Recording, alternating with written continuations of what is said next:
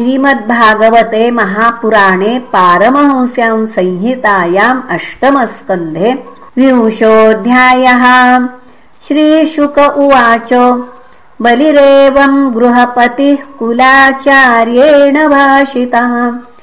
तूष्णीं भूत्वा क्षणं राजन्नुवाच वहितो गुरुम् बलिरुवाच सत्यं भगवता प्रोक्तं धर्मोऽयं गृहमेधिनाम्। अर्थं कामं यशो वृत्तिं यो न बाधेत कर्हिचित्।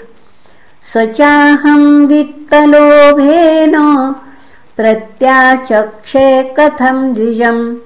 प्रतिश्रुत्य ददामीति प्राह्रादिः कितवो यथा न ह्यः सत्यात् परो धर्म इति होवाच भूरियम् सर्वं सोढुमलं मन्ये। ऋतेलीकपरं नरम् नाहं बिभेमि निरयान्नाधन्यादसुखार्णवात्। न स्थानच्च वनान् मृत्योर्यथा विप्रपलम्भनात् यद् यद्धास्यति लोकेऽस्मिन् सम्परेतं धनादिकम् तस्य त्यागे निमित्तं किं? विप्रस्तुष्येन्न तेन चेत् श्रेयः कुर्वन्ति भूतानां साधवो दुस्तजासुभिः। दध्यंशिविप्रभृतय पुनः दध्यंशिविप्रभृतय को विकल्पोधरादिषु यैरियं बुभुजे ब्रह्मन् दैतेन्द्रैरनिवर्तिभिः तेषां कालोग्नग्रसील्लोकान् न यशोऽधिगतं भुवि। सुलभायुधिविप्रर्षे ह्यनिवृत्तास्तनुत्यजहाम् न तथा तीर्थ आयाते। श्रद्धया ये धनत्यजः। मनस्विनः कारुणिकस्य शोभनम् यदर्थिकामोपनयेन दुर्गतिः। कुतः पुनर्ब्रह्मविदाम्भवादृशाम्। ततो वटोरस्य ददामि वाञ्छितम् यजन्ति यज्ञक्रतुभिर्यदा पुनः यजन्ति यज्ञक्रतुभिर्यमादृतान् भवन्त आम्नाय विधानकोविदाः स एव विष्णुर्वरदोऽस्तु वा परो दास्याम्यमुष्मै क्षितिमीप्सिता मुने यदप्यसावधर्मेण मां न हिंसिष्ये भीतं ब्रह्मतनुं रिपुम् एष वा उत्तमश्लोको न जिहासति यद्यशः। हत्वा मैनां हरेद्युद्धे शयीतनिहतो मया। श्रीशुक उवाच एवमश्रद्धितं शिष्योमनादेशकरं गुरोः। शशापदैव प्रहित सत्यसन्धं मनस्विनं। दृढं पण्डितममानज्ञ स्तब्धोऽस्य स्मदुपेक्षया यस्त्वमचिराद्भ्रश्यसे श्रियः एवं शप्तस्वगुरुणा सत्यान्नच्चलितो महान्। वामनाय ददावेनामर्चितोदकपूर्वकम् विन्ध्यावलिस्तदागत्य पत्नीजालकमानिनी अनिन्ये कलशं हैममवने जन्यपामृतम्। यजमानस्वयं तस्य श्रीमत्पादयुगं मुदा। अवनिजावहन्मूर्ध्नि पुनः अवनिजावहन्मूर्ध्नि यद तदपो विश्वपावनीः तदा सुरेन्द्रं दिवि देवतागणा गन्धर्वविद्याधरसिद्धचारणाः। तत्कर्म सर्वेऽपि गृणन्त आर्जवम् प्रसूनवर्षैर्ववृषुर्मुदान्विताः। ने दुर्मुहर्मुहुर्दुन्दुभय पुनः ने दुर्मुहुर्दुन्दुभयः गन्धर्व किं पुरुष किन्नरा जगुः मनस्विनानेन कृतं सुदुष्करम् विद्वानदाद्यद् रिपवे जगत्त्रयम्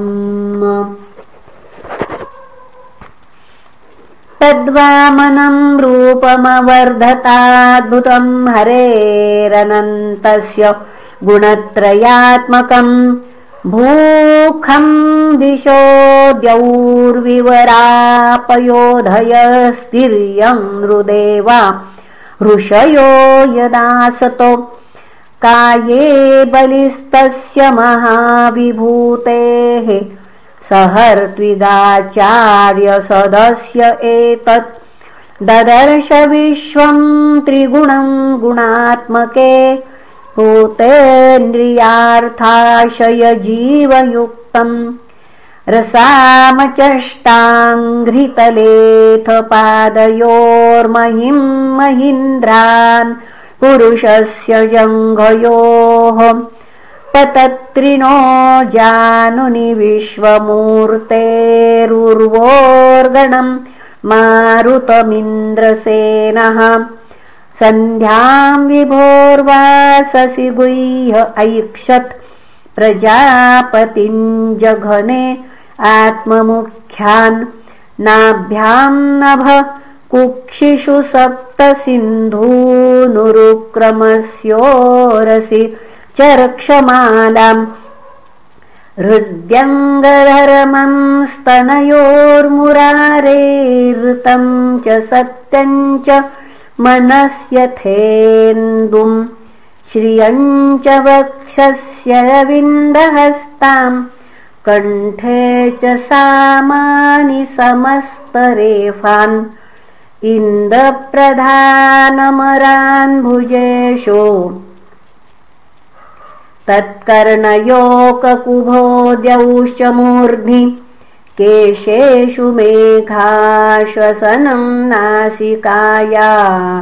मक्ष्णोश्च सूर्यं वदने च वह्निम् वाण्याञ्च छन्दांसिरसे जलयिषम् भ्रुवो निषेधञ्च विधिञ्च पक्ष्मसु अहश्च रात्रिं च परस्य पुंसो मन्युम् ललाटेधर एव लोभम् स्पर्शे च कामं नृपरेतसोऽम्भ पृष्ठे त्वधर्मं क्रमणेषु यज्ञम् छायासु मृत्युं हसिते च मायाम् तनूरुहेष्वोषधिजातयश्च।